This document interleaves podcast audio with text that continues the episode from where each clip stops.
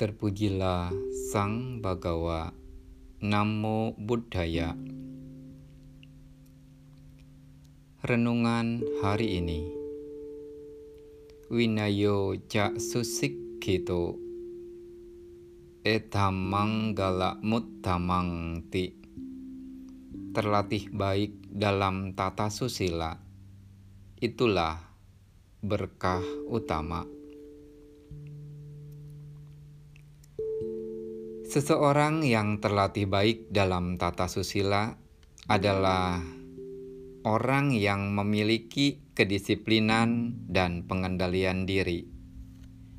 Orang yang demikian akan diterima di mana pun dia berada.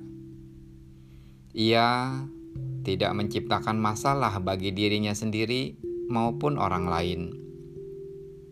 Ia tidak menyakiti makhluk lain dengan sengaja perilakunya selalu baik. Seseorang yang memiliki disiplin dan pengendalian diri akan dihormati oleh orang lain. Berbeda dengan orang yang tidak bermoral dan tidak disiplin. Orang yang tidak bermoral menggunakan kata-kata yang kasar, tindakannya kasar dan kejam Pikirannya juga selalu jahat. Sikapnya tidak dapat diterima oleh orang lain. Ia tidak mempedulikan tempat, waktu, dan orang lain. Ia berperilaku sesuai dengan keinginannya sendiri. Orang yang tidak bermoral memanjakan dirinya dengan tingkah laku yang tidak wajar. Kebiasaan makannya tidak terkendali. Begitu pula dalam cara pergaulannya. Ia bertindak seperti tidak ada orang lain di dunia ini.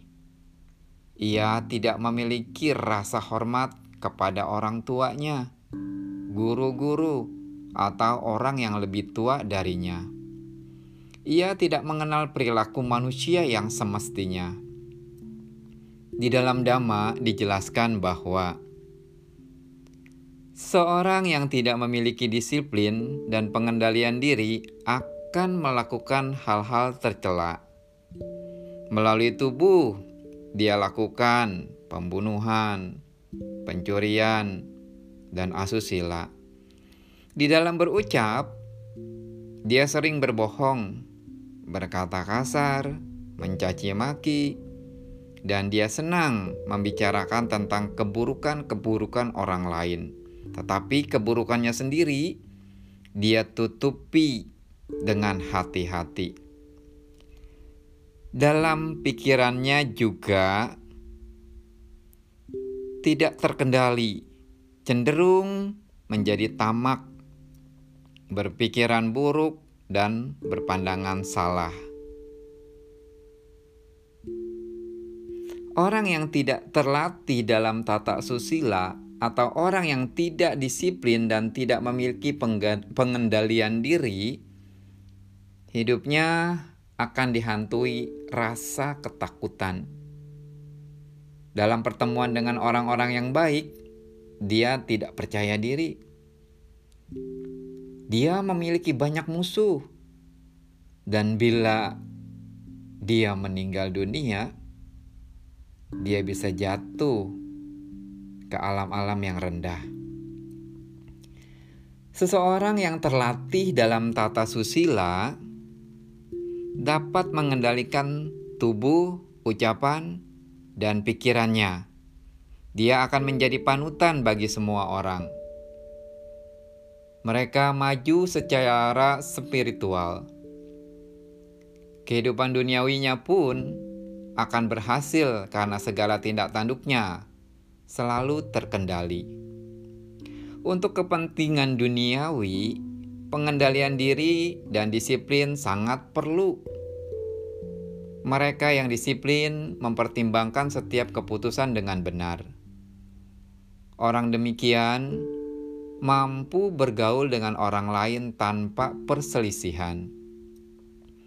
Mereka menciptakan iklim yang harmonis di rumah maupun di tempat kerjanya. Orang demikian dapat bekerja sama dalam suatu kelompok. Mereka selalu berpikiran jernih dan daya upayanya selalu benar. Akibatnya, mereka dapat maju dalam profesi atau dalam perusahaan di mana dia bekerja. Orang yang terlatih dalam tata susila tidak ada rasa penyesalan. Dalam pertemuan dengan kelompok apa pun di mana pun, dia memiliki rasa percaya diri. Banyak yang menyenanginya sehingga dia memiliki banyak sahabat. Dan bila dia meninggal, akan menuju ke alam yang bahagia. Kedisiplinan dan pengendalian diri adalah kualitas batin dalam menciptakan kedamaian, keharmonisan, dan keseimbangan di dalam masyarakat.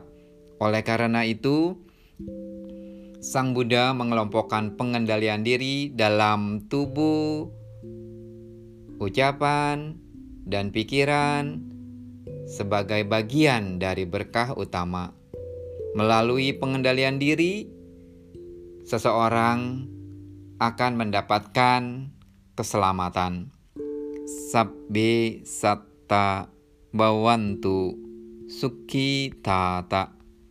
Semoga semua makhluk hidup berbahagia.